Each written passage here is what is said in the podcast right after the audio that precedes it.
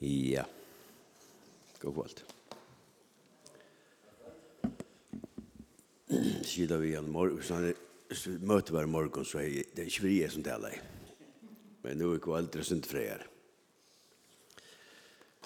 Um, ja, det har vært nok mer og i fire løstra her med alt. Jeg har alltid ikke i byen å tale om tro i en trojentina fyrr i ödle kjør. Halt ikke. ja, ja, og Arjen Berge så halt jeg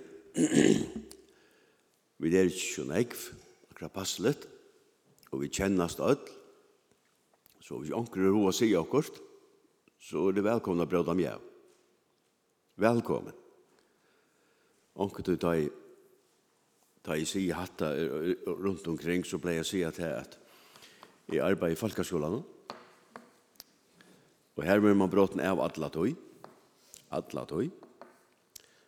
Og 55% av tøy som man vil av bråten vi, er absolutt ikke vi sier å gjøre. Slett ikke. Så hvis tid bråta med er vi omkring som er relevant, så er det fantastisk. Tid er velkommen til det. Jeg synes tog at etter ferdan form til ferda. Um, vi skulle faktisk tale om en dogmo. Eller jeg skal, jeg skal halde en tale og heller. En fyres om en dogmo. En troa, en troarsetning. En troa, en troarsetning. Faktisk, en troarsetning som høyre til grunnvøtlen i kristendommen, og som i grunden ikke er diskusjon, mer eller mindre. Altså han er helt her nere, ja? og i fundamenten. Vi skulle ta oss om monoteisme, og det vet jeg kanskje. Og jeg her husker, jeg la meg bare si, jeg kommer å forklare synder, og fleste av de kan vite vel det som jeg forklarer, så de må bare iver vi mine lærere igjen. I can't help myself. Monoteisme, det er altså ur grekskon, teo, eller teos, som er ikke god, og mono er sjående, ein eller ett. Det vil si atronavren av ein god. Og hvis anker av dere eit teodor til middelnavn, så merker det er Guds gava, teodor, Guds gava. Um, og i 5. Mosebøk 6, 4, Her stendur, Høyr Israel, Herren god var, Herren er einastur. Og Jesus endur djevur hetta, og i Markus 12, 22, her stendur såleis, Jesus sværa i, hitt fyrsta boi er hetta, djev ljau Israel, Herren god var, Herren er ein. Og du skal elska Herren og død, død, død, alla vi nettra. Og til hetta vær og er bakgrunden til ødelen jødun. Og akkurat tog ble provokasjonen så stor, ta og Jesus trakka fram, og sier seg vera sånn gods. Og, og i Markus 14, 1-4 stendet så at til høvespresteren spurte han oppater, og sier vi han, Er du Kristus, sonur hins halovaja, og hin halovaja er sjående god, som ikkje blei nevnt ved navnet til det gjør det. Guds er flere av dem ikke. Men Jesus sier, jeg er det til. Og til skulle sutja menneskesånen sittande vi høyre hånd Guds kraftaren og kom i skutjen himmelsens. Men høvespresteren skratte klæje søgne og sunder og sier, nøytast okko nu vittne langer. Tid var hørst Guds spottene. Hva taler dit? Men tar dømte han atler over at sekan til deia. Så stor var provokasjonen at gjøre krev på at være god til god er ein. Til å trutjar monoteistiske religioner i heimene. til å si at her tilbyr ein god. Den eldste er jødadommeren. Her er omlai 14 millioner, 6 i Israel, 5 i USA og 1 rundt omkring og i rund og døl.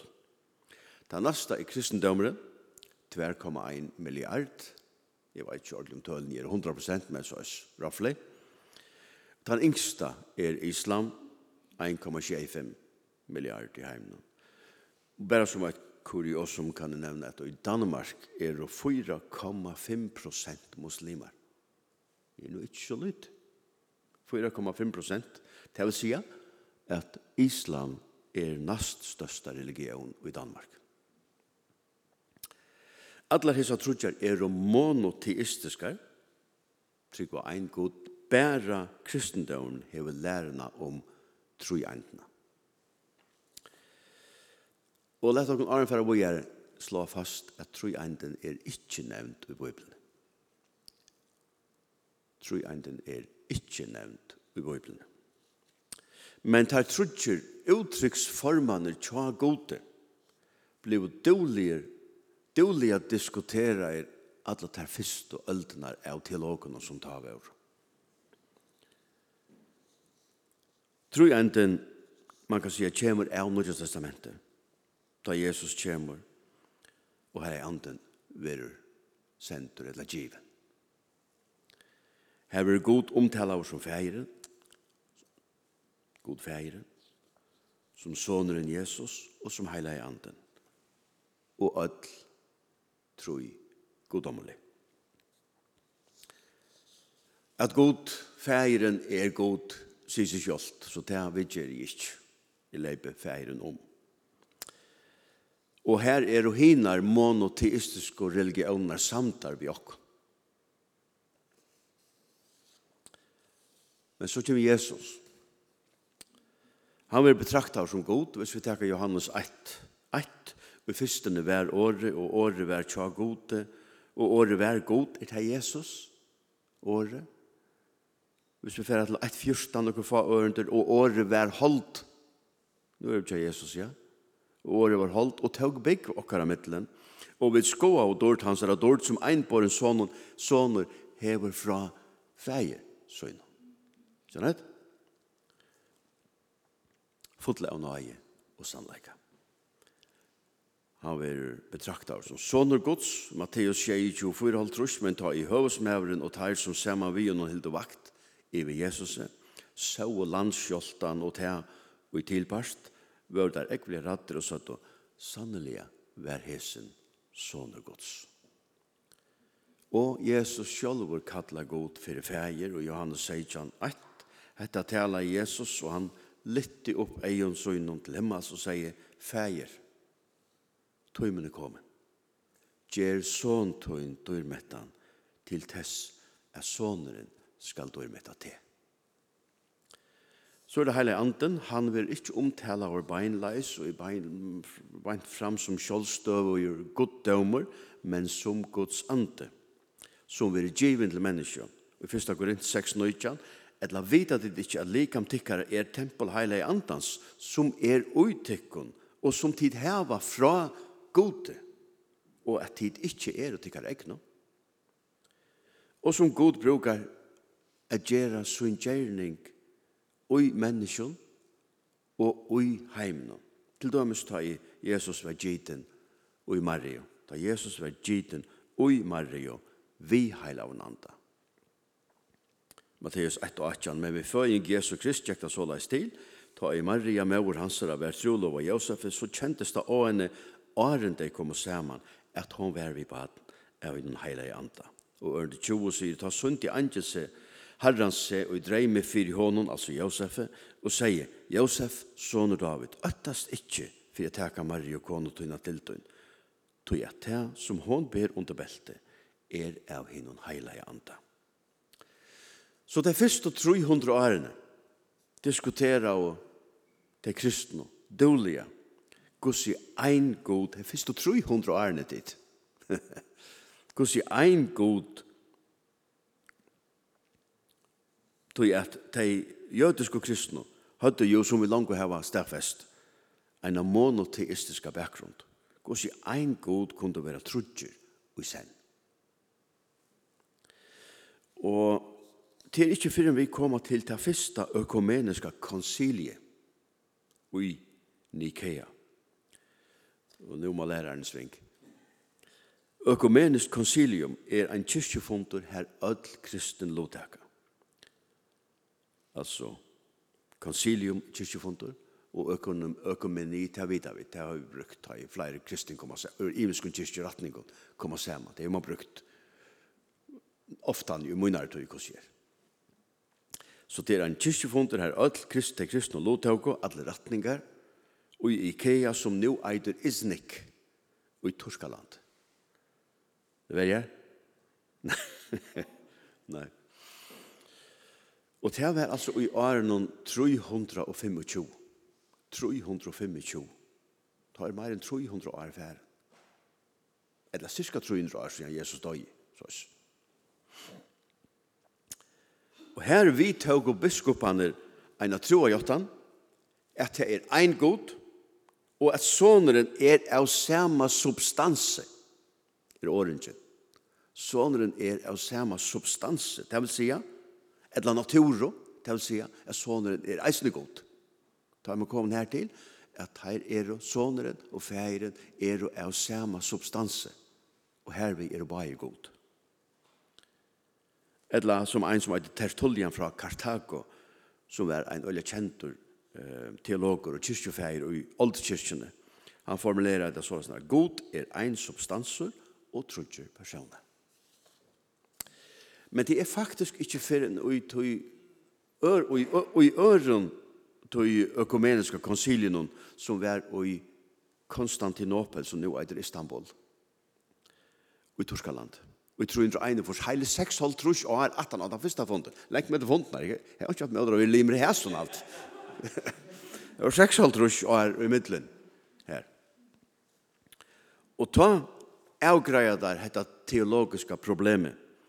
Ta var troarjottanen, troarjottanen som der høtt og utbygd til at bæg i fægeren, soneren og heilig anden var goddommelige, samståndet som man helt fast vid einleika gods og hervi, altså i 341, var læran om, tru, om troi andena etablera, etla skapt.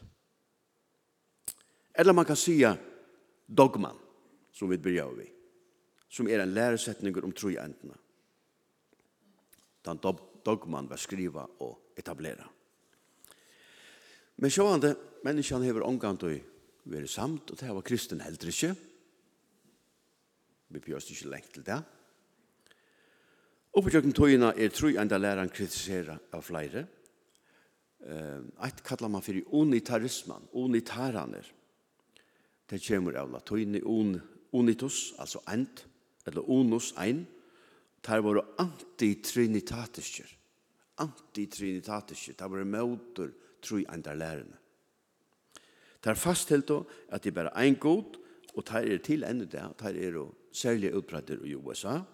Det var røter i lutherske reformasjonen i 1500-tallet, men det var viffarner eh, som kettare, forfilter og avrettere og ekskommunikerer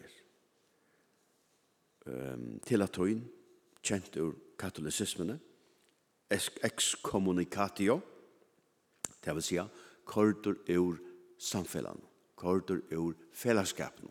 Ikke samfellan, men ur kristna fellesskapen. Kordur ut. Sloppo ikke til sakramentene. Til dømes altarbor.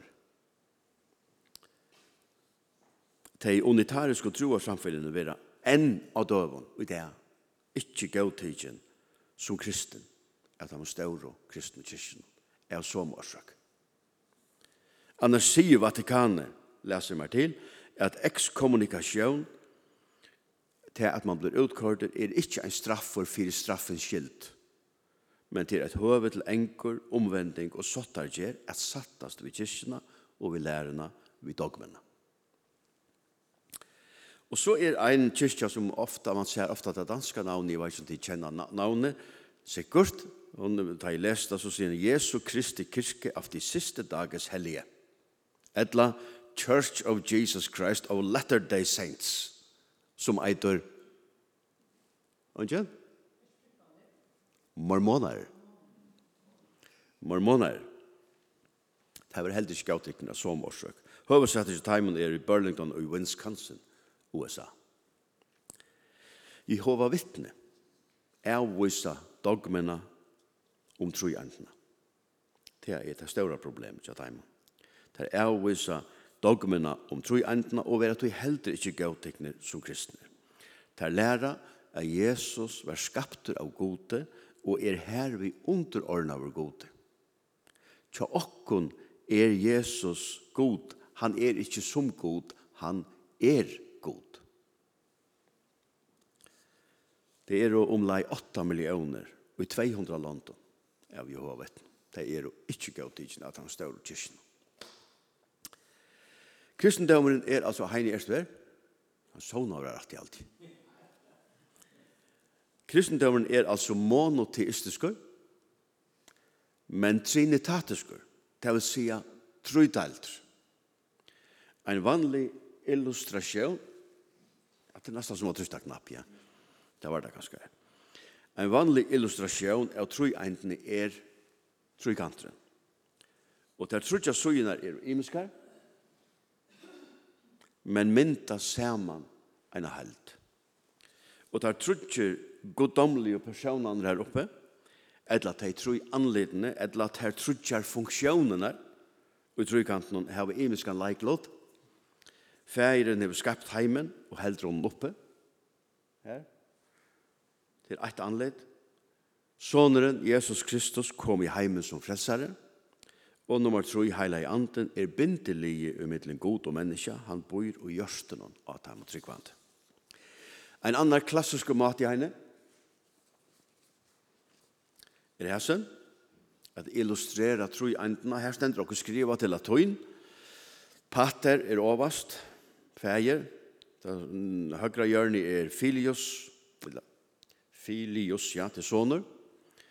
Og spiritus, det er anti og ikke alkohol.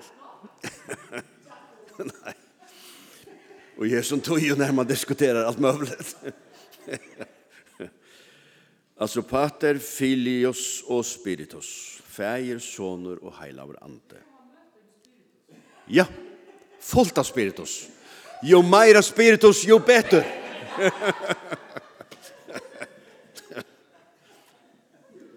ja. Og så stendur, og så er nokkur bindur, nokkur bindeli, eller kan man sier, negativ og positiv. Non-est og est. Er ikkje og er. Pater non-est filius. Son, feiren, er ikkje soneren.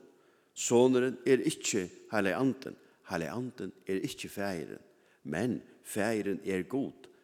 Soneren er god.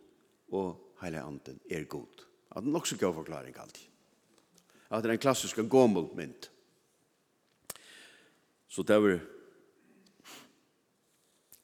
ehm ja, det er ikke så øyne jeg vet det. Men uh, så færer vi til skapene av mennesken. Ikke skapene av mennesken, altså. Som er i, i første Mosebok, 1.26. Her stendur Uh, Her stendur i dalsa tog han som er brudje. Vær viljum gjera mennesker etter mynd okkara, etter okkara mynd, okkon lykar. Og hvis man ivast oi om det er tog, at det så har tøyar litt mal, så kan man færa til Viktor, han skriver, han skriver, så leis, lete okkon gjera mennesker etter okkara mynd. Uslenska bøyblian sier, Vær viljum gjera mannen etter våre mynd, likan oss. Good News Bible som jeg har her nere. And now we will make human beings. They will be like us. Resemble us. Og norska bøybelen ressurs sier la oss gjøre mennesker i vårt bilde etter vår liknelse. Gjøgnen først flertall.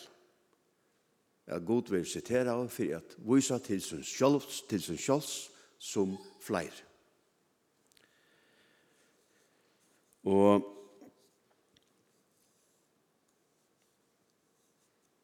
at han har syndafallet til dømes, som er her eisne, og en av de første fortellingene, ta sier Herren god, så i Adam er våren som ein av okkom. Jeg var eisne andre, utan deg vei, og god. Adam er blivet som ein av okkom. Så anten er han trudger eller han skizofrener. Det vil si at det har vært brukt flertall. Hetta viser, um, hetta viser sambart vimersingen som vi har her i Bibelen ressurs. Den talende majestet og åpner for den senere åpenbaringen av treenigheten. Og jeg prøver å leite, men jeg tomt kjørlig at. Men jeg vet ikke om at det er majestet som det har bruket. Margrethe bruker det. Vi. Om det stavar herfra, det vet jeg ikke tumtja leit. og så er det altså den talen som og åpner hetta åpner for den senere åpenbaringen av treenigheten som kommer sættene. Fyrsta Mosebøk 11 6 til 6 stender og Herren Malte. Hette her er Babelstårnet ta der ta han för nu får purra vid landar så säger så säger han kom tog och lät i okkon stå i om han att det är som att snacka vi själva alltså. Ja? Kom nu nu färra vi lät i okkon stå i om han mm? Och flöcha tungmalen det är inte inte man ska huxa. Nej nu nu har jag heter gång nu har jag gett vart nu ger så. Nej kom nu lät i okkon stå i om han Og så er eit anna som er halde i eisne med damer, eller, som er nok så avavert, en tankavert, hva skjer? Det er døpsbøyene, som standa i Matteus 28, 18 til 19. Og Jesus steg fram og tala i tiltar og sier, så leir bare til om, vi til er til døypa deg til navn Fægersens og Sonarens og hins heilige anda, til sida til allan goddomen som han er. Og som han eika sløyfo kunne vi teka at døperen vujer okkon til nummer 1 til fægeren som skapte alt og er allmåttor og allvitande og heldur öllun universen oppe til er vukter til han som heldur universen oppe og er her vi tryggaste grunnvøtler som, som er til tja einen og kvarin tryggvande, og døperen vujer okkon til sonen, som tåg alla synden av seg, vi løying og deia søgnen, og her vi gjør det okkon satt vi god, så leis at allar ak akære om fall og synd er borster eina fyrir fyr allar. Og døperen vujer okkon til heilig andan, som formidlar Guds nærvero i okkara dagliga løyve, og som dagliga korrigerar og drever okkon til Guds, og som leier okkon nærri og nærri at god døvnen, ødlen som han er. Og tog er døperen en stor sikning inn i eit og kvart menneskeliv. Men tid, det hei vært meningslest er tja Jesus i abie, sentar ut og sagt døype teg og til, hvem skal døypa til? til færen og sonen og heilig andan. Det er meningslest at døpt til sonen og andan hvis det her ikke går parter av goddomen. Hmm? Så til endans. Færen er ikke, son, færen er ikke soneren og ikke anden, men han er god. Soneren er ikke færen og ikke anden, men han er god. Heilig anden er ikke færen og ikke soneren, men han er god. Troi einden er faktisk et godt år, ein eind og trimo. Altså, kristnen er ein monoteistisk atrion av vår, god er ein og trimo. Det var det.